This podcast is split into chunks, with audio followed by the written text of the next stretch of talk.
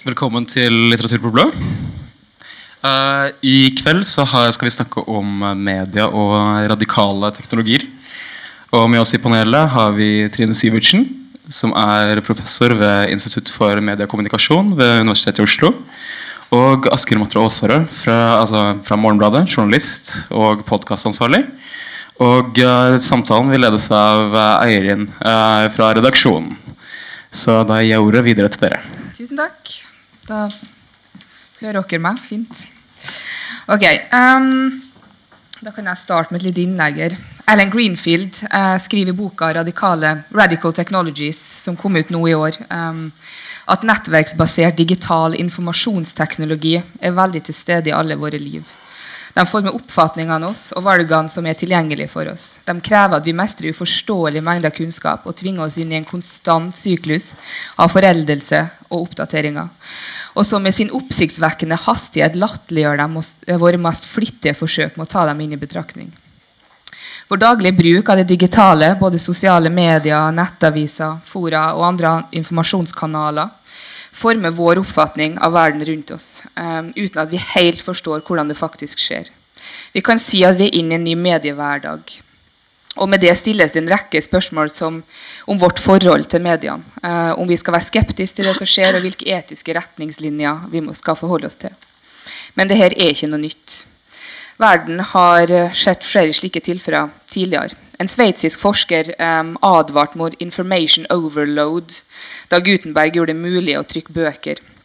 Radioen fikk hard medfart, medfart og ble anklaga for å forstyrre konsentrasjonen til unge som burde ha brukt tida si på å lese istedenfor. Medieforsker Marge McLuhan skrev i 1964 at med hurtige skritt nærmer vi oss den endelige fase av forlengelsen av mennesket, det teknologiske simulering eller etterligning av bevisstheten. Derved vil kunnskapens kreative prosess bli forlenget til å omfatte hele det menneskelige samfunn, uansett hvor meget vi allerede har forlenget våre sanser og evner ved hjelp av de forskjellige medier. Og nå sist det 21. århundret, da Internett ble tilgjengelig um, for massene ved at det både ble mobilt og rimelig. Og det er her Vi skal snakke om den neste timen. Vi skal diskutere hva den nye digitale mediehverdagen egentlig eh, gjør med vårt forhold til informasjon. Digitale medier har gjort tilgang til informasjon lettere tilgjengelig enn kanskje noe annet i livet vårt. Men med slike mengder av informasjon oppstår det også brudd på ulike lesekontrakter, forhold til sikre kilder, og det siste året har vært mye snakk om falske nyheter. Vi kan velge hvem vi hører på, hva vi leser, og bekreftelse av alle mulige overbevisninger um, er nemlig bare et Google-søk unna. Så hvordan blir dagens journalistiske innhold påvirka når algoritmene blir kurator? Altså at de skreddersyr vårt nyhetsbilde og gjør overfloden av informasjon at vi leter etter steder for å bekrefte mistankene våre og gjøre verden forståelig. Trine Syvertsen skal holde første innlegget. Ja.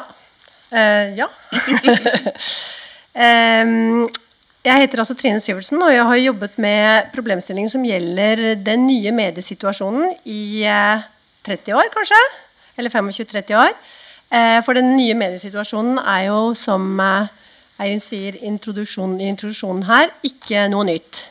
Eh, med jevne mellomrom så kommer det en ny mediesituasjon. Eh, selv så skrev jeg hovedoppgave med tittelen 'Nye medier, ny teknologi og ny politikk'. Og den handlet om nærradio. Den kom i slutten av 1980-tallet.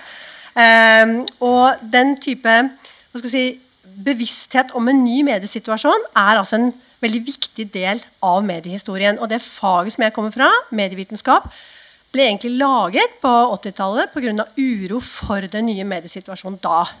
Kabel, satellitter, TV, eh, oppbruddet av eh, NRK-monopolet førte til veldig mye uro rundt nye medier. Og man tenkte her må vi ha kunnskap og måte, strategier for å håndtere det.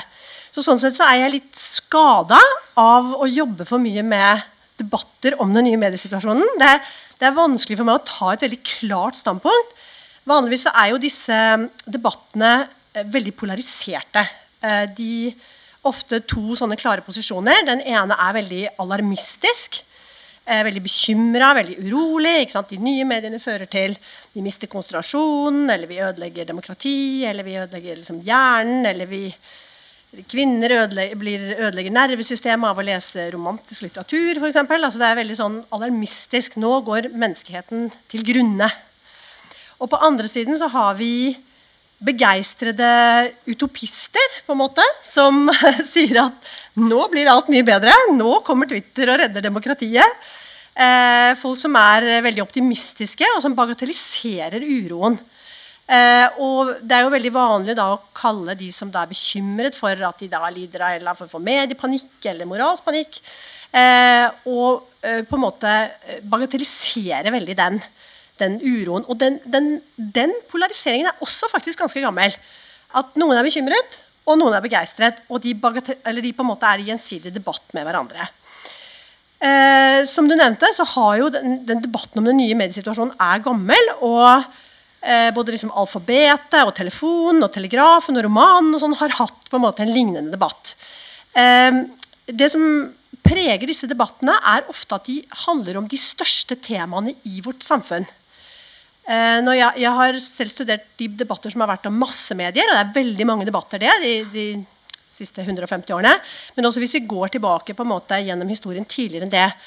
Og eh, det handler om, det handler om moral. ikke sant? Hva, eh, blir folk umoralske? Blir moralen ødelagt av dette? Det handler om kultur. Er det sånn at eh, de nye mediene gjør at det bare blir dårlig kultur? Den gode kulturen forsvinner. Det handler om opplysning. Eh, alltid vært eh, en eh, uro for at nye medier skal ta vekk konsentrasjon og fokus og læring. Det handler om demokrati.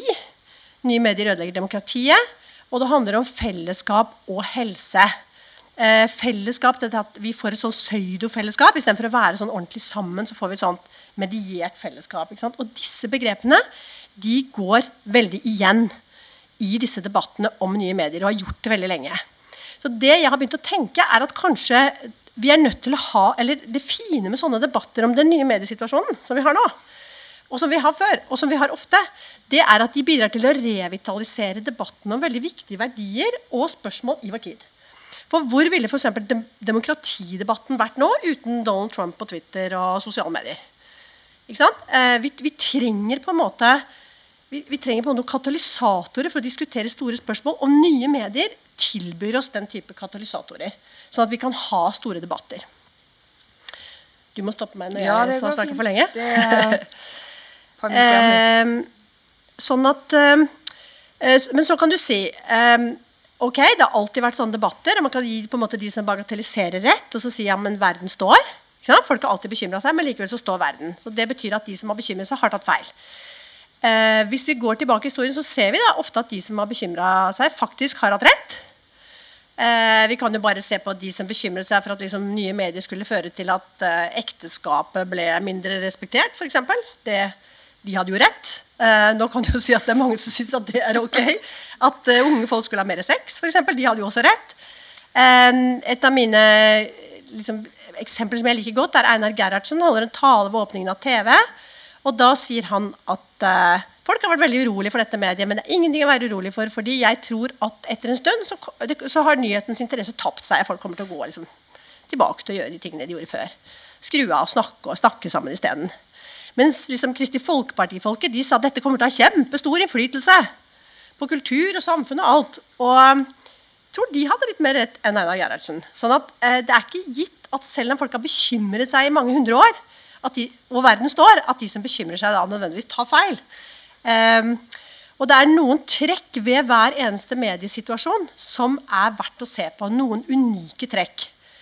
Uh, og ved den nye mediesituasjonen nå så er det to uh, veldig framtredende trekk. Og nå skal jeg prøve å si det litt kort. På den ene siden så er medieindustrien på offensiven. Så medieindustrien intensiverer sitt grep på tid og rom i livene våre.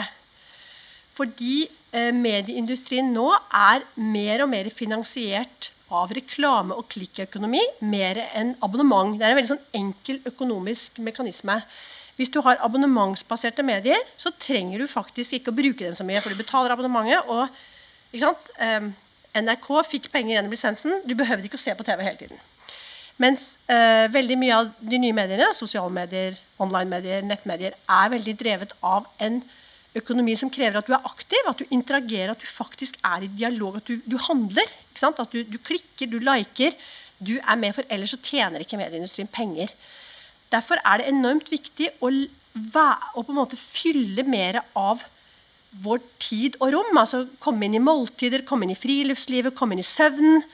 Eh, så medieindustrien er på en måte på offensiven, og det, det gir mange eh, liksom, tydelig og kraftig utslag. Altså, vi jogger ikke uten en app, f.eks. Eh, kampen om måltidet. Skal vi, skal, vi, skal, vi, se på hverandre når vi spiser, eller skal vi bare se på skjerm?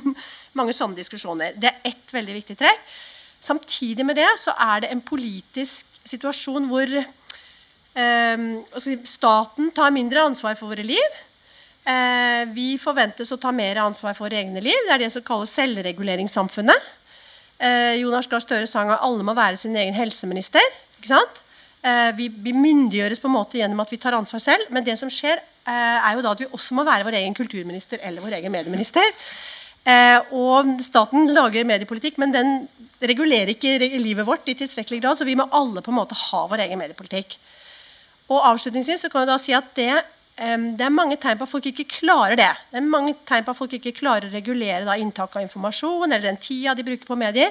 Og Derfor har det vokst fram, eller vokser det nå fram en ganske stor sånn selvhjelpsindustri. Medieselvhjelpsindustri. Som består av f.eks. en social media manager som kan sørge for at du får sånn blanda informasjon. En masse apps som kan, som kan begrense strømmen din. Um, du har masse sånn detox-litteratur, digital detox-litteratur, selvhjelpslitteratur. Uh, du har, I Silicon Valley så har du jo ferie. ikke sant? Sånne eh, summer camps for adults hvor du kan betale mange penger for å levere fra deg mobiltelefonen. Få utdelt et brettspill, en kopp og et kart. Eh, og du må øve deg nede ved svømmebassenget på å ha en vanlig samtale med de andre som er der.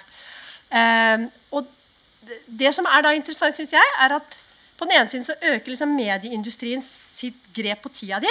Men så vokser det fram jammen en annen industri som skal hjelpe deg å håndtere det presset. Da tror jeg vi kan ja. la Askild få holde neste innlegg. Jeg syns vi bare kunne ha fortsatt. Det er veldig, veldig spennende. Ehm, jeg er jo på en eller annen måte som journalist, eller som egentlig alle, da, et av de her hamsterne som springer inn i denne maskinen. Eller som prøver å sanke inn eh, klikk og lytt, og prøver på en eller annen side å følge Eh, mine sjefer, og ikke minst en helt annen type sjef som fins liksom under bakken, som jeg liksom ikke helt blir helt klok på, på sjøl. Um, jeg har fått beskjed om at jeg skal liksom gjøre det liksom konkret inn til medieindustrien. Så så jeg mine egne notater, så det er kjempeabstrakt.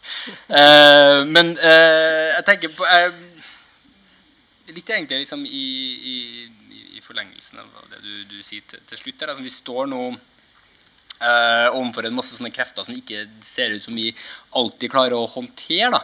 Eh, og for meg som journalist som jobber med tekst, og som mange er sikkert som forholder seg veldig aktivt til tekst, som vi alle gjør, eh, så, så, er det kanskje interessant å, å, å, å, se litt på hvor teksten egentlig står. For, for meg altså, virker det som om litt av problemet vi havner i nå, er også i at teksten på en eller annen måte som vi kjenner den, er veldig i fluks. da Um, og hvis vi går veldig langt tilbake, uh, så snakker jo gode gamle Foucault Han snakker liksom om hvordan uh, vi ble dem vi ble. Det moderne individet, sier han da, i, i sin noe uh, kanskje ikke helt etterrettelige historielesning. Siden at det oppsto liksom, når vi begynte å få privat leseteknologi. Han snakker om en sånn voksplate som heter hypomnemata.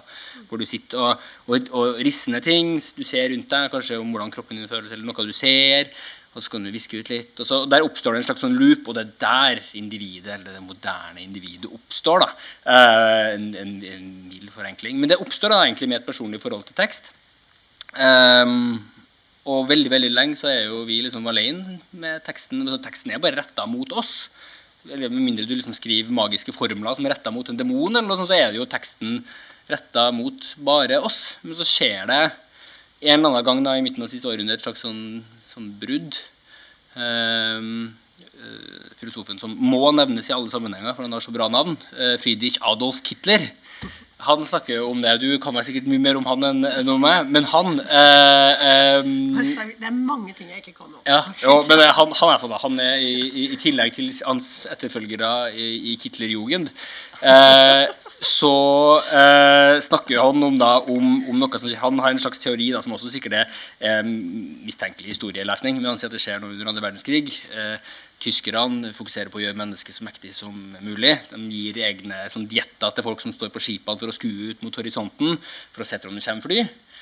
Eh, de allierte, britene, finner opp radaren. Og Da får du plutselig sånne informasjonsstrømmer som går uavhengig av mennesket. Radaren eh, fanger opp noe, det sendes noe til en sånn rund skjerm, og så får mennesket det utlevert. da. Plutselig så, får, så kløyves på en måte språket. da. Så du får et, et språk som er retta mot oss, så får du et språk som er retta mot eh, maskiner, eller som ligger utenfor vårt blikk. da. Og, og Kittler han mener at det er liksom da da, da, står vi egentlig, det, det, såkalte mennesket, som man kaller mennesket konsekvent, da, står liksom på utsida av den svære, brummende maskinen. og Det eneste vi kan gjøre, er liksom titte inn. For er ikke dem som lager maskinene eller dem som skriver koden, kan lese det som er de reelle informasjonsstrømmene, de som faktisk formidles. da. De går liksom oss hus forbi. Um, og det er jo fryktelig dystert. Det er liksom anti-McLuhan. på en måte. Da. Det er ikke sånn at vi mennesker har blitt forlenga inn i teknologien. Vi står liksom bare ut, på utsida og titter inn på, på hvor ting egentlig uh, foregår. Um, det var litt abstrakt, men jeg skal prøve å konkretisere litt. For det du kan si da er jo at Hvis, ser, hvis man er med på denne uh, veldig dystopiske lesninga, så, så leser vi da, så da bare overflata her. Men det pga. den store maskinen som har sin egen vilje, som ikke følger nødvendigvis akkurat de tankene som den som laga den en gang gjorde, så endres også teksten på overflata seg veldig. da. Um, og da får man da f.eks. Eh, det som er utrolig mye snakka om. De her uh, boblene som uh, vi, vi, blir stengt inne i for informasjonen som vi har lyst på. Matsivera, alle de her ekkokameraene som vi har snakka så utrolig uh, mye om. Og IT-gigantene som da kjører dem som mange får egentlig tro ikke har hatt som intensjon å lage de her problemene, har plutselig laga maskiner og språk som vi egentlig da ikke styrer. Eh, I tillegg så, så eh, bruker IT-gigantene nå Det syns jeg er interessant. Skrevet litt om det selv, men bruker masse masse energi på å komme seg bort fra teksten sånn som vi kjenner den. da. Bort fra alfabetteksten, i hvert fall.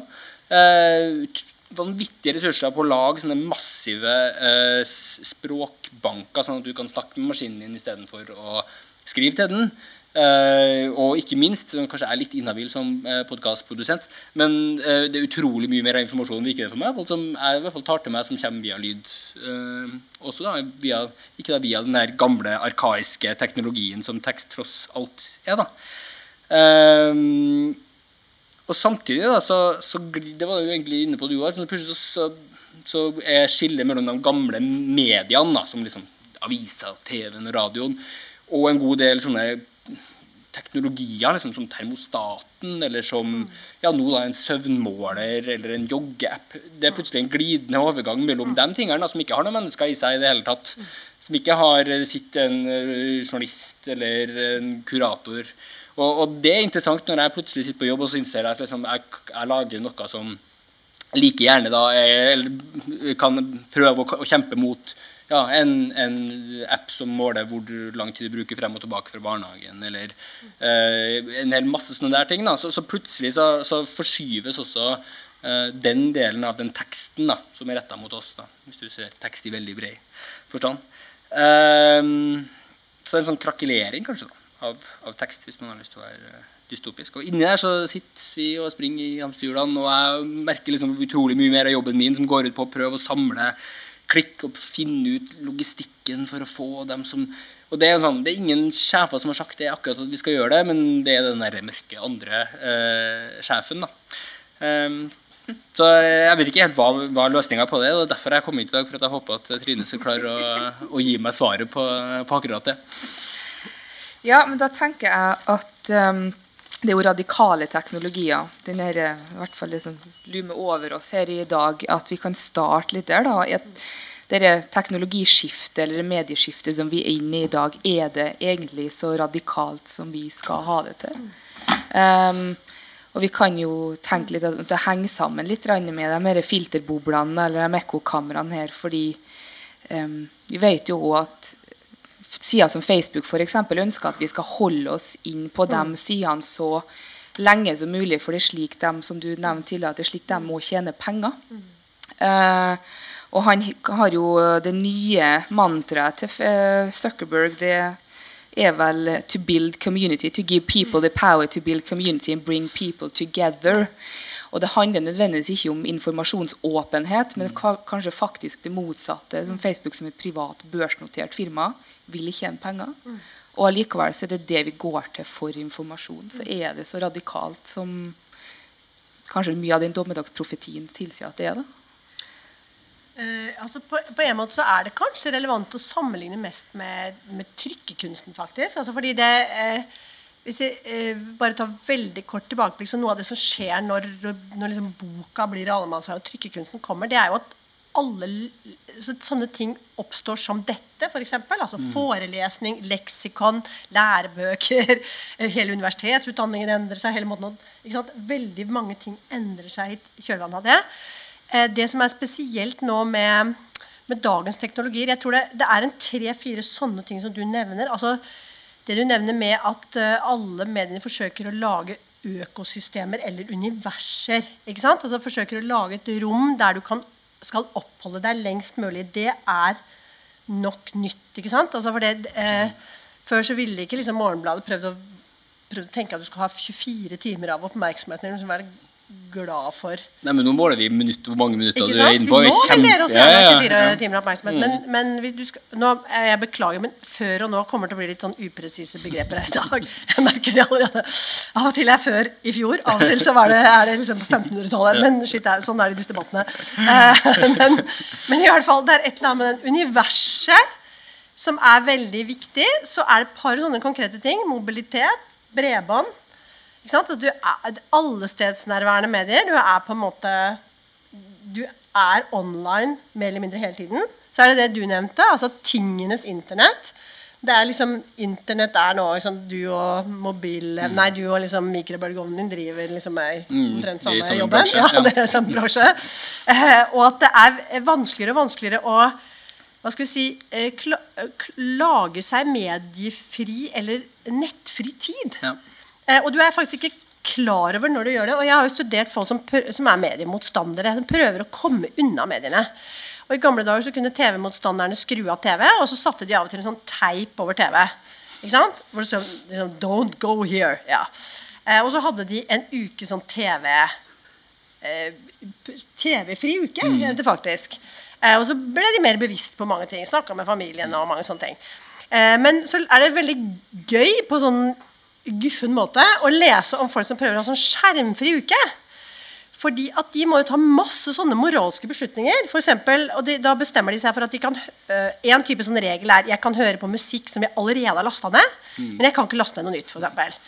og hvis jeg skal ta skjermfri uke, så må jeg først skrive av Facebooken min for å finne ut liksom, hva alle vennene mine heter i etternavn, så jeg kan finne telefonnummeret så jeg kan ringe dem hvis det skulle skje noe. Eh, og så er det sånn at Hvis vi skal ha skjermfri uker, så alle de, det er fortsatt mange som arrangerer sånne skjermfrie uker, men da oppfordrer jo de til at du skal spre opplysninger om det på Facebook og mobilisere til skjermfri Mm. ikke sant? Så det er liksom en sånn gigajobb da, å få laga den der skjermfrie uka. Og likevel så er du faktisk ikke skjermfri, for du sitter jo der på jobben eller på skolen eller et eller annet sånt og har maskinen og det popper opp noen varsler liksom, Men du liksom hele tida må poppe ned igjen da, fordi du har skjermfri uke. Da er det jo ikke... Så jeg tror akkurat den der allestedsnærværenheten eh, den, den gir nok et, et viktig skille, tror jeg. Eh, og nå er det jo viktig i alle sånne debatter å minne seg om at med, nye medier gir enorm glede.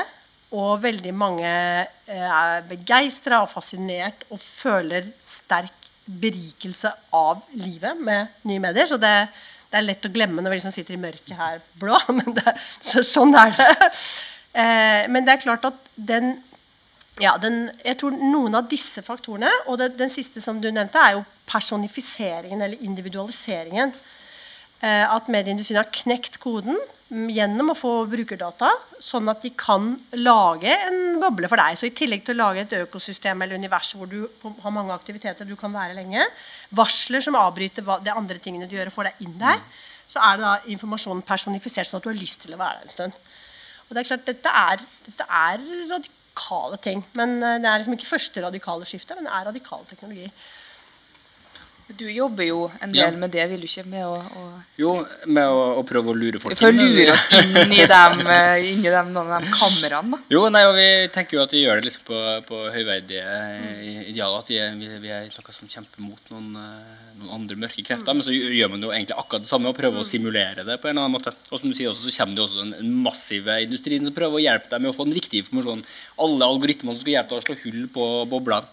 Um, men, men litt tilbake til det du sa, vi snakket litt om, om ja, Internett Internet of, Things og egentlig den glidende overgangen der til, til media. Jeg snakka med en skrev en del om, om eh, liksom dem som var en av dem mm, eh, eh, avantgarden i liksom, kroppsnær teknologi. da.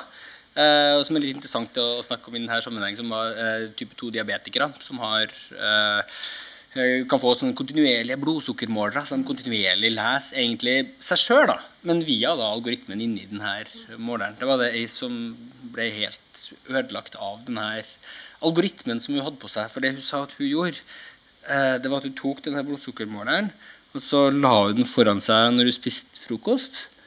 Eh, og så så jeg på den og sa sånn Ja, jeg leser den litt som jeg leser avisen, jeg. og så satt du der og leste den der måleren, som da var sitt eget kontinuerlige blodsukker, som da, idet hun spiste, endra seg. Og så reagerte hun da, dessverre med å slutte å spise, da. Men, men med, på et media som egentlig var en slags sånn rar, forvridd utgave av seg sjøl. Og det er jo egentlig en mini-kosmos-utgave av det vi gjør alle på en eller annen måte. driver med. Vi leser verden, men vi leser det gjennom en sånn forvridd greie, og du blir fanga i den logikken til leveringa av informasjonen, og ikke nødvendigvis eh, eh, informasjonen i seg sjøl. Eh, men eh, vi, vi prøver jo på en måte å tilbake til akkurat det vi driver på med i Morgenbladet, som er å bevare det å være en, egentlig en ganske sånn klassisk, gammeldags form for medie. Da. Vi snakker veldig mye om det når vi skal over på å liksom satse mer på, på nett. At vi, vi må bevare den følelsen av at det er en enhet, f.eks. Et univers. Et univers, jo, jo men, ja, men at vi skal være et sted hvor, hvor uh, Noe du kan f.eks. Uh, stenge ut andre ting med. da Altså Det du gjør når du setter deg og leser en avis på lørdagsmorgenen, er også å stenge ut andre ting. Mens det har vi en kjempevanskelig Det er kjempevanskelig å konkurrere med andre ting. Så du ser at folk bruker sjøl den identiske informasjonen når vi har både en digital utgave og en papirutgave, på helt forskjellige måter. Uh, og, da, og, vi klarer ikke å simulere elementer da, åpenbart av den fysiske utgaven. Så, så det, det, det, er ikke mulig å sammenligne dem helt. Da. Nei, for det vil jo være et av problemene altså Morgenbladet som har betalingsmur da, Mm. på hele avisa. Uh, og hvis vi prater om de her kameraene, da, så vil jo enkle søk Alle de enkle søkene vi gjør, eh, dukker jo opp i feeden oss hvis vi bruker bare Facebook som et eksempel her nå. Men der vil jo Morgenbladet igjen bli ekskludert fordi dere eh, nødvendig, dere har ikke søkene deres tilgjengelig for folk, sånn at den informasjonen dere produserer, vil faktisk ikke komme inn i de lukka kameraene til mediebrukerne. da. Fordi at de har hele tida betale for det. og vi vet jo at det er problematisk å få en del til å betale for de digitale utgavene. Spesielt de menneskene som ikke kjøper aviser i første omgang. Så det vil jo være en utfordring i denne teknologiskiftet her da, for aviser. Mm. Heldigvis, eller ikke heldigvis, men liksom, eh, så er ikke folk så interessert i å tenke å lese for å, å dele. Det er interessant når du ser folk dele en sak, f.eks. Så det er, ikke, det er jo sånn behagelig for oss som journalister. Da. Eh, du kan dele, for du kan dele våre lukka saker. Og det er veldig mange som deler våre lukka saker. Det er veldig mange som liker våre lukka saker, men vi kan jo også se hvem det er som leser våre lukka saker. Eh, og det er ikke nødvendigvis en sånn match. Så, så eh, man skal ikke undervurdere eh, Og det kan også før, da, sånn det å, å, å dele informasjon uavhengig av om du egentlig har tatt den til deg. Og før også så gikk jo folk med aviser under armen for å vise hva du leste, for å vise hvem du var. Sånn at det var en identitetsmarkør. og det er det jo fortsatt. På at nå er det kanskje med enkelttekster. Så, så uh, det, det er det skumle med, med betalingsmur, at du innser at det er ikke så farlig med lesing. Du tror kanskje at det å lese Morgenbladet eller gå med sånn Morgenblad-nett er helt sånn nøytralt nå? Ja, nei, no, men det må- den, de, de med nettene er jo veldig viktig vet du, hvis Ja. papiravisa skulle finne på å forsvinne, for da må du signalisere det på en annen måte. Ja, ikke sant? Ja, hadde du, det virka som du hadde et innlegg eller noe Ja, altså jeg hadde, men det er jo det er, Jeg har bare lyst til å si eh, det med boblene. For, nå snakker vi om filterbobler som om vi alle befinner oss inni helt lukka filterbobler, og det gjør vi altså ikke. Jeg tror bare det er viktig å nevne Det er et så bra uttrykk at det er lett å tenke at det er liksom empirisk verifiserbart. Men altså vi eh, Det er eh, stadig undersøkelser som viser at folk leser hele tiden ting de er uenige med, også i USA. Eh, men det som kanskje har fått seg et skudd for baugen, det er den der tanken om at folk blir informert av, mot, av synspunkter de er uenig i. fordi mange av de som er mest overbevist om sine synspunkter, er veldig aktive. For eksempel. det er jo noen studier som viser at folk som er veldig aktive på sånne høyreradikale nettsider, for eksempel, leser masse eh, ting de er uenige i, men de blir bare mer bekreft, befestet i sin tro. Mm, mm. Eh, sånn at det, det, tenker jeg er litt sånn interessant. For det første så er det viktig å ikke tenke at selv om vi har liksom veldig flotte, nifse uttrykk for dette, så er det akkurat det som skjer. Eh, men det er også viktig å kanskje Eller jeg har hørt mange av de som Nå er det jo litt sånn tid for omvendelse. Masse av de som var veldig utopisk og begeistra for Internett og veldig glad i liksom, sosiale medier, og sånn, er jo nå i omvendelsesfasen. Det ser vi jo det er veldig vanlig også i sånn mediemotstand. da Folk er begeistret, og så vender de om. Mm. liksom Men nå er det mange liksom, i Silicon Valley som omvendt. Så det har stått artikler i Garnet med dette siste. Og mange andre steder også. Eh, og i den, eh, i den omvendelsen så blir, ser man på en måte bare sånn negativt på de tingene. Men jeg tror noe av det som preger den omvendelsen, er en skuffelse. Eh, og jeg har også syns at det er den Først så tenkte jeg at det var frykt som drev folk som var skeptiske til mer, men det er skuffelse. Fordi at det, er kanskje den tanken om at uh, eh, f.eks. Internett ville gjøre at folk ville, demokratiet ville tjene. Folk ville bryte meningene som mot hverandre. Isteden viser det at folk bryter meninger, men det fører ikke til altså det fører kanskje til at uh, oppfatningene dine bare hardner til.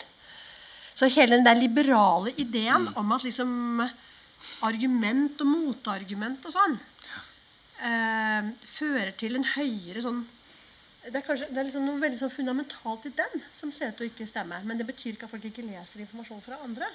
Men har ikke um, Hvis du snakker om skuffelse her, da, um, og du sier at um, denne debatten er motargumenter, vi mangler litt motargumenter, har ikke digitale medier bare gjort, slik sett gjort livet litt enklere for folk? Fordi at vi får lov til å, vi slipper å være, liksom, stå på barrikadene og være mot noe hele tida. Vi får lov til å bare ja lene oss litt tilbake, og her er det noen som er enig med meg. Ja, det er jo, vi ser jo, altså, det er jo Jeg tenker på noen måter at det kan også være en litt annerledes Det kan være deilig å være i en front mot en annen front. da uh, Men du kanskje ikke, du, du får ikke sånn den daglige Du vet at det står ikke ved siden av den som mener det, den står liksom på andre sida. Uh, så det er, sånt, det er jo konflikter er kanskje spissa spissa til. da. Uh, men så er det jo også sånn, det er jo, informasjonen vandrer jo utrolig fritt. Det er jo ikke, det er jo ikke sånn jeg tror det er riktig. Ikke, vi er ikke fanga i, i, bobla. Det er jo lov, Sjikane f.eks. går jo helt amok. Hvis vi hadde bobla for det, så ville det vært uh, behagelig. Men det klarer man jo ikke å, å, å begrense. Det er en utrolig sånn røff ytrings kultur som har uh, oppstått. da, Også fordi du ikke har ansiktet foran deg. Den, og hele den alt-right-bevegelsen som jo mm. oppsto nesten som en sånn ironisk forsøk på å se hvor mye du kunne pushe uh, liksom ytringer. da, mm. Nesten egentlig det var um, denne boka som akkurat kom ut, nå, som heter um, 'Kill All Normies', som jo tar opp noe av hvordan den, den bevegelsen vokste frem, og som sier at den egentlig stjal liksom, eh, venstresidas eh, eh, mål om eh, å sjokkere og bryte stengsler, av den, og som bare har gjort det til nesten en sånn mekanisk øvelse. da, Fordi du ikke ser ansiktet, fordi du er, er distansert. Det gjør jo at du har en veldig sånn røff ytringskultur òg. Um, Kjetil Jacobsen, han er historiker på, på Nord universitet, som skrev bok som heter 'Etter Charlie Hebdo' for en stund tilbake. Uh, han uh, argumenterer jo liksom for at vi nå står i en situasjon, en ytringsfrihetskrise, ja, fordi vi har et nytt, uh, ny type medie. Men fordi vi ikke, også mest fordi vi ikke egentlig har fått det han kaller liksom sånne myke strukturer til å um, ikke jo redigere eller nyansere eller kuratere egentlig ytringene. da. Um, og, og at, at, det der problemet Han sammenligner med liksom den Struensee-perioden i, i, Danmark, hvor du plutselig fikk total ytringsfrihet eller trykkefrihet på, liksom, eh, fra å ha ekstremt strengt kontroll, så plutselig så fikk du total frihet. Og det du fikk da, var jo masse masse totalt hårreisende uttalelser og karakterdrap og eh, alt mulig rart. Og så fikk du en massiv motreaksjon, for at det du måtte ha da, var lova, og, og du fikk liksom den, ja, den aller mest drakonske måten å reagere på det på. Fordi du ikke hadde myke sosiale strukturer. da. Og litt der er vi jo kanskje også da, på, på, på nettet nå. Du har, du har masse sånn infrastruktur for å dele informasjon og for å formidle den, men du har ikke den myke, mellommenneskelige eh, ja, kurateringene som vi er så sykt avhengig av for at informasjon skal være god, for at kommunikasjon skal være god. Det, hvordan skal vi få dem i det nye, nye, nettverket vi, vi, lever i. Da. Det kan jo være altså Det er jo en utfordring, da. Um, men problemet òg um, mye med de kameraene er jo at vi ikke vet at de eksisterer. Uh, og at det er ekstremt mye som foregår rundt, rundt, oss til enhver tid. der det er, for vi, Ofte vet vi jo ikke hvem vi kommuniserer med. ikke sant? Vi bare de tar eh, karakterer og mennesker som eksisterer på nett, som i dialogen er virkelige for oss, men uh, i virkeligheten så er de bare igjen noe på nettet. Mm. Og, altså, nå finnes det mye bedre eksempler enn det jeg kommer men det er bare sånn top of my head. altså Mannegruppa Ottar, f.eks. Det var ingen av oss som visste at den var der før den plutselig dukka opp pga. en kontroversiell uttalelse. Uh, og, og der har du en sånn lukka gruppe som blir et kammer der folk igjen får lov til å diskutere uh, med kan godt hende at diskusjonen nyansert. Hva vet Jeg har aldri vært inn på mannegruppa Ottar side. Så, men, men um, igjen, da. Der har vi noe vi ikke visste har eksistert, men som mm. på en måte har fått tredd frem i offentligheten. da. Men det, det er jo nettopp det er jo historien. Det er jo mediehistorien. Altså det er liksom mediehistorien. Det er at når, når, eh, alle folk kan skrive eller lese, eller når, når TV kommer, så får vi se masse ting som vi ikke visste eksisterte. Og plutselig så oppdager ikke sant, På 1850-tallet så kan plutselig alle le, begynner folk å kunne lese. Og så tenker de som har jobbet for at alle skal kunne lese, at nå må folk lese oppbyggelige og rasjonelle og flotte ting. Og så viser det seg at det finnes sånne vampyrklubber. Og det finnes folk som driver med sant, eh, sånn tidlig pornografi. Og det finnes folk som driver med masse, masse forskjellige ting. Overnaturlige ting, spiritisme og sånn. Og så kommer alt dette fram. Og sånn, det er jo Hovedkritikken mot radio og TV er jo nettopp at du snakker ut i en anonym. Du snakker ut i det anonyme, og du viser fram masse ting som ikke folk visste var der. Og Du sitter hjemme i stua og blir dypt liksom, rystet over alt som er der. Så jeg tror eh, det er mediene. Altså, det er egentlig det som er det, altså, Sosiale medier der jeg føler jeg står i en veldig sånn fin trygg tradisjon. av, av, og dette er jo også et klassespørsmål. at det, Masse ting som liksom de utdannede på det teologiske fakultet som bestemte hvem som skulle få trykke ting liksom, på 1700-tallet. Det var mange ting De visste jo ikke om vampyrklubber og porno, og sånn, men da fikk de altså vite det. Og da reagerte de jo veldig eh, Litt sånn som du reagerer ja. men sånn, Herregud, hva er det folk holder på med der ute? Dommedagen. Ja, ja. Men, men, altså eh, det er jo en interessant ting at folk driver med ganske mye som ikke vi her vet hva, hva, det er. Og det er ganske mye mer enn det vi Og det er klart at kanskje med sosiale medier så er det en anledning til å få se Eller med Internett. For, nå får vi kanskje se Jeg kom over en sånn eh, kroppsdysmorfikerside. Folk som følte at de hadde en arm eller et bein for mye. Eh, og som var, hadde skikkelig sånn velferdsstatsargumentasjon. Men hvorfor i all verden skal ikke vi få fjernet et bein? på statens regning. Fordi vi føler jo at vi egentlig bare burde hatt et bein. Eh, ikke sant? Og sånn skikkelig ordentlig kampanje. Det er sånn som du kommer over på, på nett. Og det er jo helt utrolig fascinerende. Men jeg visste jo ikke at det fantes. At det var masse folk som tenkte at jeg burde liksom bare hatt én arm, og nå burde jeg det burde få fjernet den. Eh, så eh, det er jo noe av det som er fascinerende med, med liksom nett og sosiale medier. Og som potensielt tenker jeg også har en altså, I tillegg til den fascinasjonssida, så har det jo en side hvor vi blir nødt til å ta inn over oss at folk er annerledes enn oss sjøl i større grad. Ja, så den vi er jo, hva Facebook er cirka, Det er litt over ti år gammel, men i hvert fall ti år i offentligheten. altså Vi i Norge fikk det vel i 2007, og det er jo samme året som iPhone kom. Mm. Så vi er jo, det er jo veldig Vi er jo virkelig bare i startfasen av det, mm. så det kan jo hende at um, vi, altså, vi har ikke greid å sondere terrenget, rett og slett mm. fordi at uh, er, vi er da i en slags Vi er en overbelastning, en informasjonsoverbelastning. da. Eh, og da kommer vi jo litt inn på det du har uh, snakka om, bl.a. i boka di, at vi trenger denne detoxen da, fra mm. den overbelastninga. Uh, og du nevnte jo, du òg, um, at vi må på sånn spareiser og skjerm, uke, skjermfri uke. Og det er jo litt interessant at det som skal gjøre livet oss lettere, um, og gjøre livet litt vanskeligere. Eller? Ja, jeg tenker, jeg tenker nok kanskje at hvis, hvis, Den der kombinasjonen av medieindustrien som er sånn som den er, og den politiske situasjonen som den er, som den er, så kan du si det folk ville gjort før, igjen, snakke løsforstand, er kanskje da å kreve regulering, eller kreve sensur, eller kreve forbud. Liksom. Dette er jo gjort mange tider i mediehistorien. Eller nå brenner vi de nye mediene, eller vi, annet, vi gjør et eller annet med dem. For det, vi kvitter oss med dem.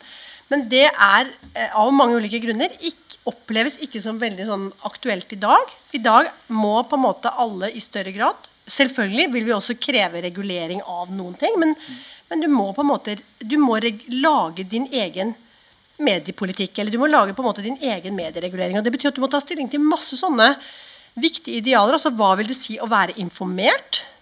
Ikke sant? Altså Hvordan skal jeg sørge for at jeg er informert? Hva, hva betyr det i dag å være informert?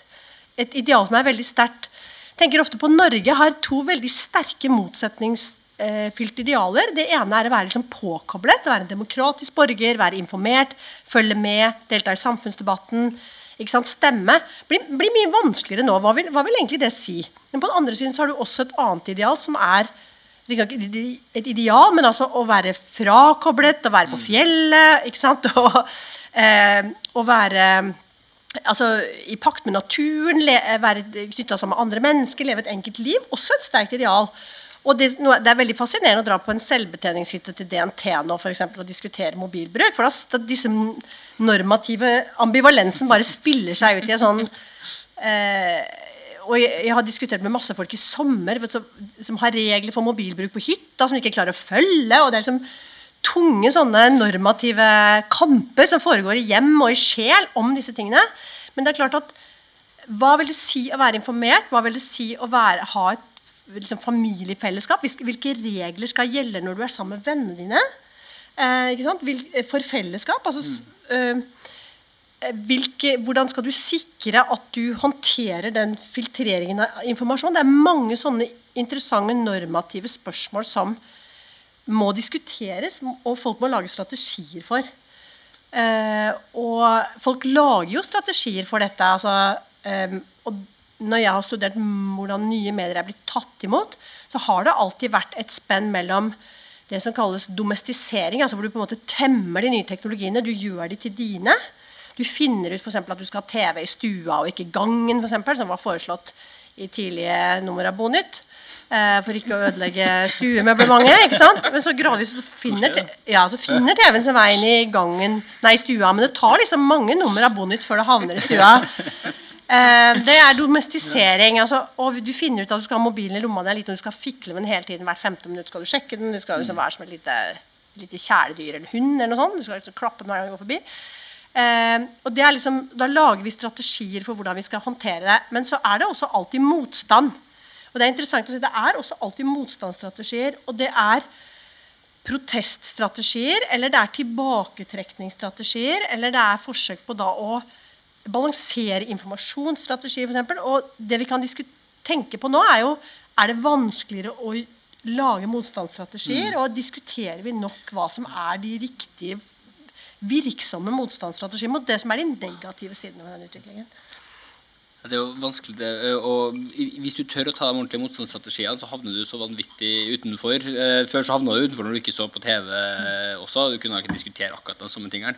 Men jeg var på eh, Gran Canaria eh, sist uke. Og da gikk mobilen min i stykker på vei nedover. Så tenkte jeg ah, så deilig. Så hadde jeg ikke mobil hele uka. Og så gikk jeg inn og sjekka Facebook innimellom. Helt strålende.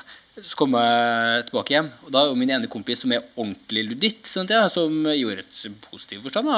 Ikke på noen sosiale medier, han er bare på SMS. Og da har jeg fått tak i meg i uke, eh, og det viser at vi hadde en avtale som jeg gitt tilbake. Sånn. Og han, han ender jo opp med å være den som har gjort feil, selv om det var jeg som jo ikke, jeg som ikke var tilgjengelig i de vanlige kanalene hans. da. Uh, og der tenker jeg sånn, det, sånn, det, det, har blitt enda mer ensomt å prøve å ta opp den eh, kampen da, mot, mot, teknologien. Også den der enorme konvergensen da, mm. som vi som jobber i media har slitt mot, fordi det er ikke bare aviser. Du konkurrerer mot, du konkurrerer mot alt som er på telefonen. Men det merker jeg også sjøl. Når plutselig har alle bøkene jeg leser på telefonen, hvordan skal jeg da klare å legge den fra meg? Når jeg skal gjøre noe så høyverdig som å lese en roman, så er jeg liksom sånn én swipe unna og så være et totalt annet sted. Du skal dårlig viljestykke i ett sekund, og så rakner hele den her lille fasaden du prøver å bygge deg opp.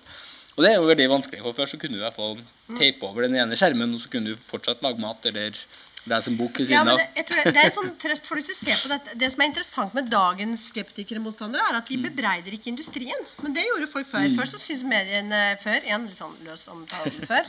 Men eh, at mediene var Venstresidas kritikk av mediene var jo at mediene var, liksom, var onde og dårlige. og ikke nødvendigvis Målbladet, men altså, eh, på en måte mediene ga deg et feil syn. ikke sant? Ja. Og de hadde jo mye av den kritikken som nå kommer fra høyresida. Eh, opprettholdt en urettferdig verdensordning og sånn.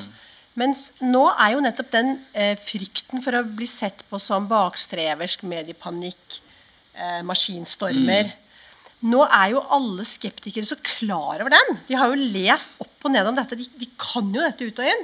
Så når jeg leser sånne medieskeptiske bøker nå, internettskeptiske bøker, så bruker jo folk hele forordet på å fortelle at de er ikke imot internett. Men boka heter sånn 'How Internet Destroys the World'. Og så er det liksom eh, 14 sider foran og 36 sider bak. Så nei, nei, nei, jeg er ikke motstander, jeg liker dette bra. Um, og det tror jeg gjør at eh, det, det, det er sånn selvrefleksivitet i det også. At det der rommet for å være skeptiker eller motstander er blitt så innmari lite. og Derfor blir det litt sånn mer på Og selvhjelpsindustrien sier klart dette er ditt problem. Eh, ikke sant? Og det er jo noe annet enn en politisk tilnærming. Ikke sant? Så, Ja, Som ikke fins lenger. Det er jo som, når du, hvis du har hatt så store enheter tidligere i historien, så har du jo hatt monopoldiskusjoner om det, men uh, nå er jo liksom ideen om monopol så annerledes. Så lenge forbrukeren, i hvert fall den amerikanske modellen som vi da i stor grad, eh, om vi kjører om Europa, sparker litt mer, og så tar til oss, så er det liksom så lenge forbrukeren får et billigere produkt, så er det ikke et monopol som det er verdt å bryte opp. Og det er jo plutselig da en sånn enorm eh, samling av, av makt som du da ikke kan ta store politiske grep for å endre, som jo ville ha vært den første du grep til før. da. Men i Norge skal det jo sies at vi har på media veldig fortsatt, da, inntil videre, en veldig sterk politikk for å opprettholde en god del klassiske strukturer. da på godt og vondt, kan man sikkert si. Eh, men som da bevarer en god del av de her enhetene, sånn som Morgenbladet, sånn som eh, NRK f.eks. Ja. Eh, og som jo da er fortsatt ganske Så det fins store politiske grep fortsatt i, i vår tid, da. Jo, men vi kan jo si at Eller det er jo lov til å hvert fall påstå at Facebook har tatt um, Eller har monopol på kommunikasjon. Um, det er nå Det siste tallet er jo to milliarder uavhengige brukere av Facebook. Og Facebook er jo et privateid, børsnotert firma der, som tilbyr en tjeneste som vi er frivillige til å bruke eller ikke. Eh, Det er 3,5 milliarder internettbrukere i verden, og de resterende 1,5 oppholder seg i Kina og i Russland. Og de har egne kommunikasjonstjenester, så det vil si at Zuckerberg faktisk går tom for people to connect, rett og slett. Det er ikke flere å ta av. Um, og da, um, da, da, Det er jo helt naturlig at han da vil begynne å bevege seg litt i andre retninger. For hvor, no, han, tjene, han vil tjene enda mer penger. Um, og det her går jo utover oss. Og når du sier at Det er jo kanskje derfor vi på en måte ikke Vi bebreider jo ikke tjenesten. Fordi ja, den er jo et frivillig, det er et frivillig valg. Men allikevel så har han gjort det Han har greid å gjort det veldig ufrivillig på samme tid. Ja, men det er, jeg vil bare si, det er politisk nytt hvis jeg bare kan si det, det er politisk nytt at, at folk primært bebreider seg selv. Jeg må bare si det, Framfor å bebreide store globale konglomerater. Inntil nylig bebreidet folk i større grad store globale konglomerater, og ikke bare seg selv. Men, Ja. Nei, og det er jo interessant, for Vi snakket litt om dystopier før vi gikk på, på scenen. her, sånn Hvordan dystopier plutselig i, stor grad uh, handler jo egentlig om sånn i forskjellige jeg i oppløsning i møte med teknologi, eller jeg som ikke finner sin plass, eller den type ting. Mens før så var det jo den store skumle konspirasjonen, eller den store makta, om den var kommersiell, eller om den var Eh, liksom, ja, sånn Big Brother-aktig, totalitært, eh, fascistisk-aktig regime. da. Men nå er, nå er jo sjøl de, de mest eh, selv, jeg, jeg tror for så vidt at alle i Facebook, de fleste i hvert fall sikkert, ikke har noen intensjon om å gjøre noe slemt. liksom. Tror ikke, jeg tror ikke Zuckerberg har lyst til å gjøre verden til sine slaver. eller noe sånt. Han har sikkert gode intensjoner. Men så er det også når du setter de her svære hjulene da, i, i gang, og de her, det store usynlige språket, da, som egentlig er det hele, så, så har ikke engang dem som har, som, som har satt det i gang, nødvendigvis noe kontroll over det. Intensjonen er ikke nødvendigvis så interessant. da. Hva designeren har sagt at noe skal brukes til, er ikke det ting brukes til. liksom. Det er noe av det mest sånn, fascinerende å, å studere hvis du studerer egentlig design generelt. det er sånn, Se på eh, hva noen har lyst til at noe skal gjøre, og se på hvordan det faktisk brukes. da. Og, og der har man rett og slett ikke kunnskap nok virker det som, når man setter ting ut i livet til å se konsekvensene av store hjulene. Nei, jeg tror det som er interessant med det, er ikke om, om de har skylda eller er onde eller ikke. Men jeg tenker en av de tingene som er interessant med det, er eh, at alt ansvaret flyttes til enkeltmennesket. Og det er jo et Selv om det er eh, sterke mediepolitiske strukturer i dag for å opprettholde NRK og aviser, ja, og jeg tror kanskje det kommer til å fortsette. Det er høy legitimitet rundt det. Men så er jo eh, så er det jo for, for å støtte at alle dere skal få en god overgang til de digitale mediene, som gjør at dere også kan få ta mer av tida vår. Eh, sånn at, og en, Det er litt sånn interessant å tenke på NRK før, ja, nå liksom enda litt lenger før, som hadde en sånn idé om for at de ville ikke sende ungdomsprogram før, eller barneprogram før klokka seks fordi folk skulle være ute. Det er veldig vanskelig å tenke seg en sånn Ja. idé nå. At det på en måte vi, vi avgrenser tilbudet vårt hvis folk kan gjøre noe annet. Eh, så jeg tror det, det interessante er jo da Hvis eh, ingen andre har ansvaret enn deg selv, og forutsetningen er da at du skal regulere din egen mediebruk, og du skal som voksen også regulere uh, mindreårige Sånn. sånn. Eh, og du skal regulere din egen informasjonstilgang, og du skal passe på at du søker sånn at du kommer inn i riktige algoritmer, sånn at du får brei informasjon. Så, rap så rapporterer jo masse voksne mennesker at dette fikser de ikke. Klarer de ikke. Og Derfor så kommer jo hele den der selvhjelpsindustrien. og du må hyre en, Kanskje du må ha en social media manager, og du må ha de- detox-ferie to ganger i året òg. Og eh, da er det jo og dette er, Nå er det jo også igjen masse nye produkter. altså Hun eh, Huffington Post-dama, Ari- Ariana Huffington ja.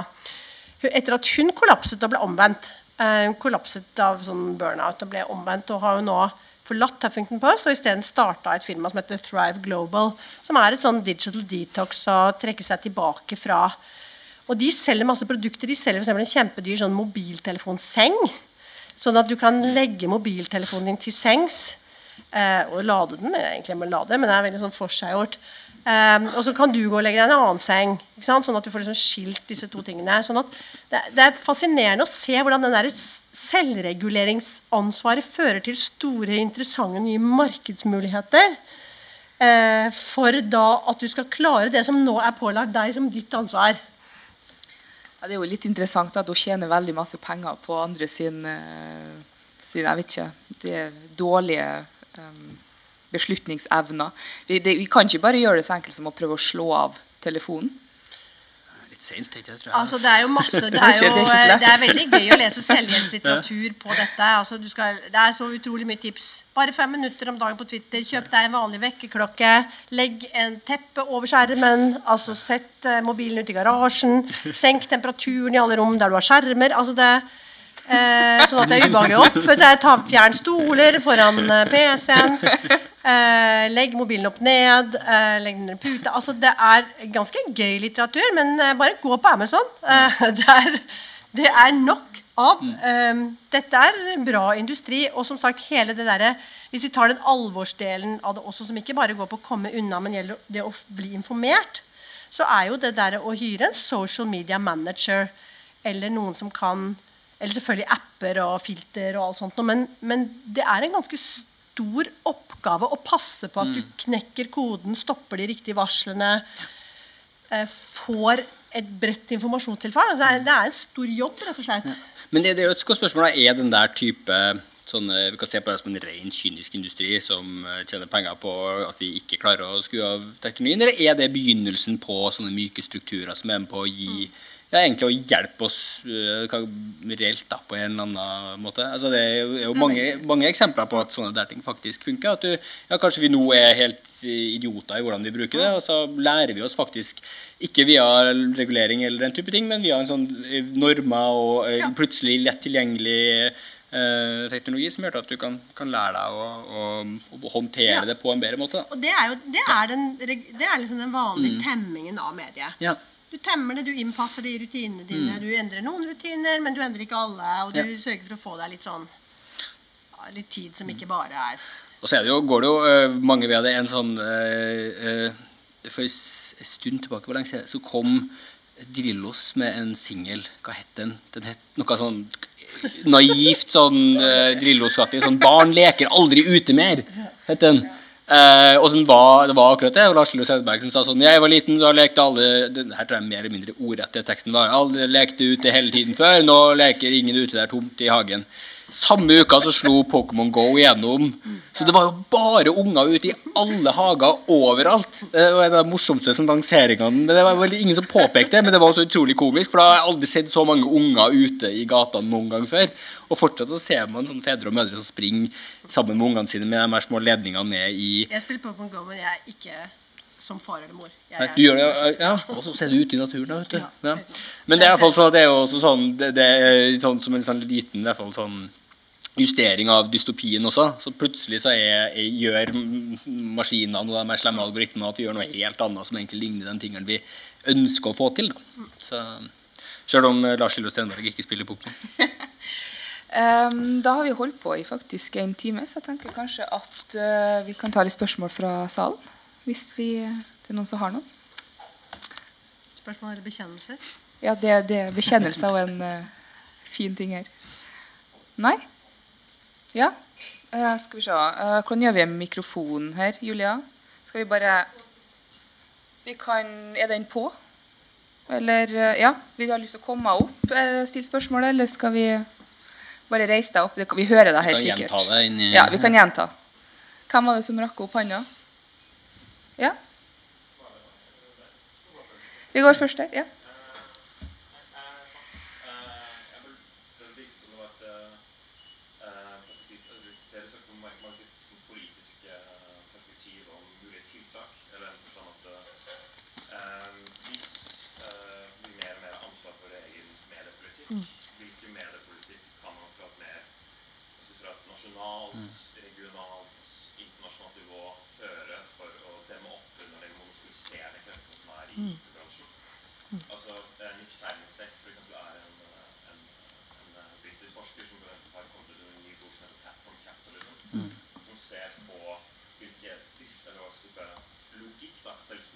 Mm.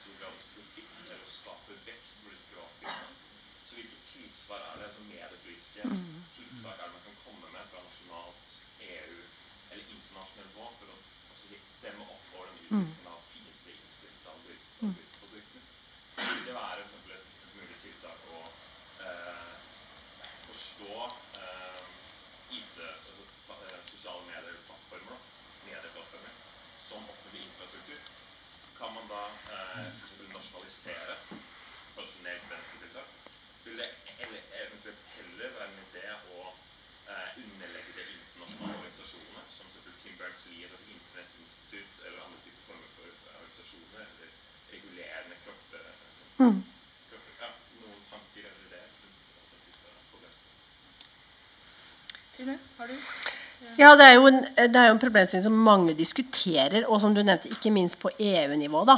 Eh, fordi jeg tror eller som du også sier, på en måte så er det jo også en amerikansk eller USAs på en måte forretningslogikk som møter en mer sånn europeisk reguleringslogikk, egentlig. Og det har vært mye vanligere i Europa å regulere. altså Vi har jo sterkere allmennkringkastere, og vi har hatt antimonopolisme-regulering som har vært sterkere og sånn. Eh, og på EU-nivå så jobber de jo som vi alle vet med f.eks. skattleggingsproblematikk og sånn. Men eh, det, det virker ikke som synes jeg, som noen har knekt koden for liksom sånne store typer av tiltak mot plattformene. Jeg ser, har sett en del sånne eksempler på mye mindre reguleringstiltak som har retta seg mot forskjellige områder. altså F.eks. Eh, ny sånn Snapchat-ting som gjør at du må logge deg inn hver dag. For eksempel. ikke sant? Så barn må være på hver dag. Som førte til at de britiske reguleringsmyndighetene begynte å diskutere om det var mulig å sette noen restriksjoner på det. For det er sånn lojalitetsmekanisme.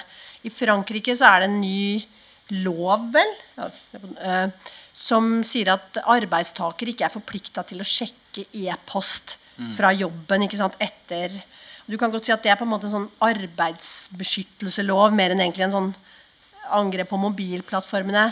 Så eh, De har også sett forslag innenfor allmennkringkasterne internasjonalt om eksempel å lage andre typer algoritmer som heller fremmer eh, ok, dette bør du se for å få et annet synspunkt, eller altså en slags sånn public service-algoritme. altså på en måte lage, Bruke de på en annen måte. Eh, så jeg tror det er ganske mange som jobber med ulike typer av, av reguleringstiltak. Men, men, men den trenden til at det blir egne filter og egne apper og egne restriksjoner, er mye sterkere. Og også reguleringsmyndighetene i Europa har jo i veldig høy grad gått over til å være rådgivningsmyndigheter for forbrukerne, f.eks. mer enn å være retta mot begrensninger. Men historien forteller oss også at store monopoler eh, faller. Ikke sant? Og det er masse sånne store monopoler som vi bekymrer oss veldig for da TV var veldig sær. Sånn Rupert Murdoch og sånn som nesten ingen på en måte snakker om lenger. Sånn at eh, det er ikke gitt at den situasjonen vil vare. Men jeg syns akkurat situasjonen nå ser ut som eh, det er i liten grad har knekket koden på den type internasjonal regulering. Selv om det er mange forslag og mange ideer som du også presenterer. Men det er veldig interessante problemstillinger. Det er ikke så veldig mye å tilføye. Altså, men det er, sånn, det er interessant hvor mye av, av monopolene nå som går ut på å låse deg. Da. Nå gjorde du vel det med satellittabonnementer og sånn tidligere, men det er, sånn, det er så utrolig mye som om på eh, enten myke eller harde strukturer prøver å låse deg. Om det så er ville sånne gamifiseringseffekter som gjør at du må inn og gjøre ting daglig, eller helt konkret at det er jævla slit å flytte all informasjonen din. Hvis det kom noe som var bedre enn Facebook, så er det rett og slett tregheten i Ja. systemet. da. Og det, men samtidig, plutselig, det var jo en, noen som prøvde å lage en, en eh, hva var det, det var en nettside som samla sammen all informasjonen din fra om du var jeg husker jeg ikke helt, men det var Twitter og Facebook og et par andre steder. Sånn at du kunne bare gå inn på ett sted, og så kunne du få all informasjonen der. Det ble jo så en massiv rettssak som nesten eh, tok livet av eh, den personen som laga den veldig, egentlig veldig enkle øh, tjenesten. Men det sier jo også noe om hva de er redd for. da. Det skal komme en sånn liten, en liten bare sånn bevegelse som de ikke nødvendigvis har tenkt på, som kan ja, faktisk ja. velte monopoler. Men hva som, ja, problemet er jo at de har litt rett i at eh, ja, myndighetene kan ikke gjøre noen ting for det går så tregt. Ja. Uh, og det, det er et sånn klassisk Silicon Valley-argument for liksom, libertariansk verdenssyn. Altså, det er noe litt rett i det, for du klarer ikke å lage systemer som følger etter systemene fort nok nå. da. Så, Ja, men det er jo en interessant utopi. Altså, du tenker til Facebook 'running out people to connect'. og Det er jo det er jo en kjent sak at døde folk har problemer med å komme seg unna Facebook. Og eh, det er jo etter hvert ganske mange folk som faktisk er døde også på Facebook. sånn at det er klart at den der, eh, det, kan godt- det kan jo bli en interessant situasjon når det har gått ytterligere 20 år og eh, Facebook er 50% levende og døde, f.eks. Eller noe sånt. Da, det er mange ting som kan gjøre interessante ting med sånne plattformer som dette. Og vi vet at vet at liksom nye medier blir gamle medier, og det skjer ting, og det kommer andre ting. og sånt, så ja. Men ville ikke Facebook som den kapitalistiske bedriften den faktisk er stritt imot all form for regulering, fordi at det, altså de er et privateid firma som gjør at staten Det skal mye til for at en stat kan faktisk gripe inn der og begynne å regulere brukervilkårene deres. da. At, altså jeg tror det, det, Hele den der. Silicon Valley-tradisjonen er jo helt er jo rett og slett ikke på regulering. altså Det er rett og slett bare en helt annen politisk tradisjon. Og det er det som er spesielt med dette, at vi har eh, i Europa regulert veldig mye og støtta veldig mye. Men det er bare en helt annen politisk tradisjon. Men jeg tror, eh, det er jo ikke sånn at de er upåvirkbare. Altså det, det, nå holder vi på med den Russland-saken. ikke sant? Eh, Det skjer noe der. Og, det er klart, og de er veldig, private firmaer er jo også opinionsavhengige. Altså Det er avhengig av merkevarer og Ja, så sånn som Google nå har jo eh, med sitt nye eh, sin nye catchphrase altså Det sier seg jo egentlig sjøl at de legger det opp til hver enkelt person om hva som er moral og etikk, med å, å fortelle deg at altså, 'don't be evil' er faktisk Googles nye mantra. Ja. som eh, er ironisk samtidig som veldig komisk, og allikevel og veldig åpenbart om at det her handler egentlig bare om deg og din bruk. Da, at uh, Her er det ingen regulering. Det handler bare om at eh, her må du sjøl bestemme hva som er etisk korrekt. Da. Men det er jo interessant sånn, ja, det er kanskje, kanskje man må håpe på myke, myke strukturer der òg. Men hvis du ser f.eks. på krypteringsdiskusjonen, da, som jo etter den massive liksom, overvåkninga som starta med 9-11 og liksom bare ble sterkere og sterkere, og sterkere, så har du da fått en sånn med noe med, ja, med Wikileaks og, og, og øh, hele den, den øh, kruttønna der, så fikk du plutselig et enormt ønske fra forbrukerne om å kunne få eh, kryptert, kunne sende kryptert informasjon. Faktisk kryptert, som det er umulig å, å åpne for myndigheter med mindre du har tilgang til en av endene når informasjonen faktisk ender opp. Da. Og det ble plutselig standard via Facebook, via Apple, som støtta det. Og som plutselig laga også enkelt for dem. for du kan, kan jeg få påstå at myndighetene ikke de kan ikke åpne for myndighetene engang. Vi har laga maskiner vi ikke får til å åpne sjøl engang. Og det er jo noe som da eh, forbrukerne har ønska. Skal man si om det vi plutselig da egentlig har fått en enda verre verden hvor det er umulig å se inn i, i noen kanaler vi veldig gjerne som fellesskap skulle hatt mulighet til å se inn i. Men det betyr jo også at de, ja, de tilpasser seg faktisk også hva folk vil ha, da. Men eh, ja. Det var flere spørsmål her, var det ikke? Ja. Jeg undrer litt over algoritmene som brukes, eh, spesielt i eh, journalistikken der. Eh, Skriver en artikkel av en journalist, så, så har vi jo ansvar personlig for en journalist. Vi har redaktørsansvar eh, i avisen eller på DN. Men nå er vi kommet på dette system og sånn Huffington Post og det er og på Wikipedia. Vi har ingen aning hvem som kopierer eller skriver artikkelen. Eh, Det er algoritmer som skriver sin egen reportasje nå.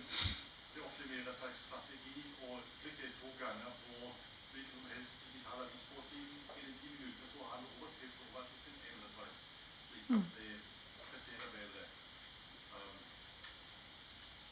jeg syns uh, nøkkelen til problemet er ansvar til algoritmene der. Um, er dette en tema dere har en en Asker? Ja, nei, jeg, altså, jeg, er jo ikke ingen, jeg skal ikke påstå å være noen ekspert på det. Men det er jo, jeg, jeg, jeg syns det er noe veldig interessant som ligger der. Men så er spørsmålet hvor altså, Så klart du har ansvar for uh, algoritmer. Du kan si ja, for eksempel, gi, gi redaktøransvar sjøl til noe en algoritme har skrevet. Så du kan bli felt i PFU for noe en sånn sportsjournalist har skrevet som er injurerende, f.eks.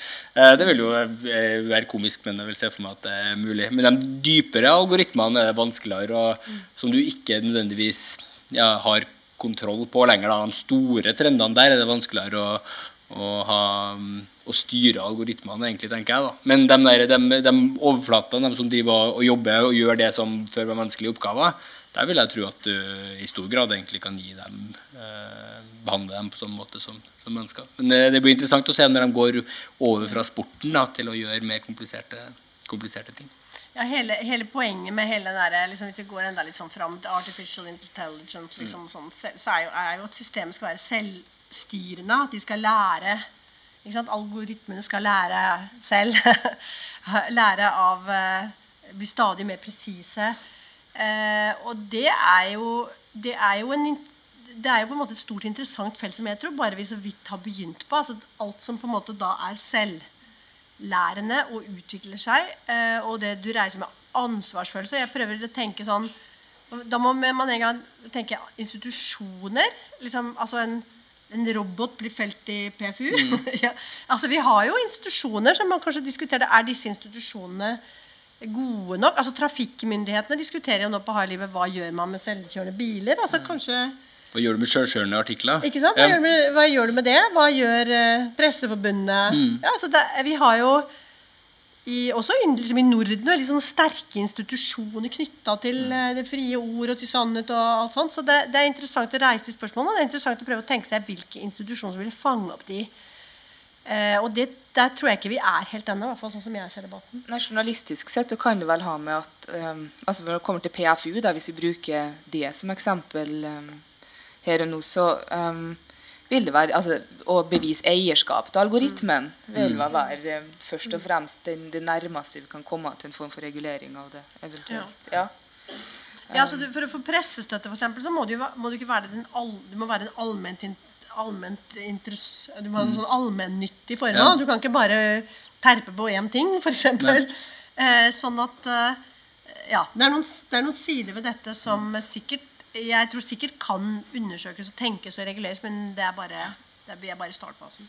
Ja, for Det neste vil vel bli om vi kan, skal begynne å diskutere om vi kan lære roboter etikk og moral, f.eks. Og, og hvordan kan vi skape algoritmer som, som kan invitere menneskelig sensitivitet, f.eks. Mm. Da beveger vi oss nå inn på et helt annet nivå. Ja, ja. vi har Altså, det er sånn de tenker på pleien og sånn, Ja, da, fordi ja. hvordan kan kan erstatte pårørende med Ikke sant, men robot, ja. Men det er varmt og godt, Ja. kan jeg tenke meg. ja.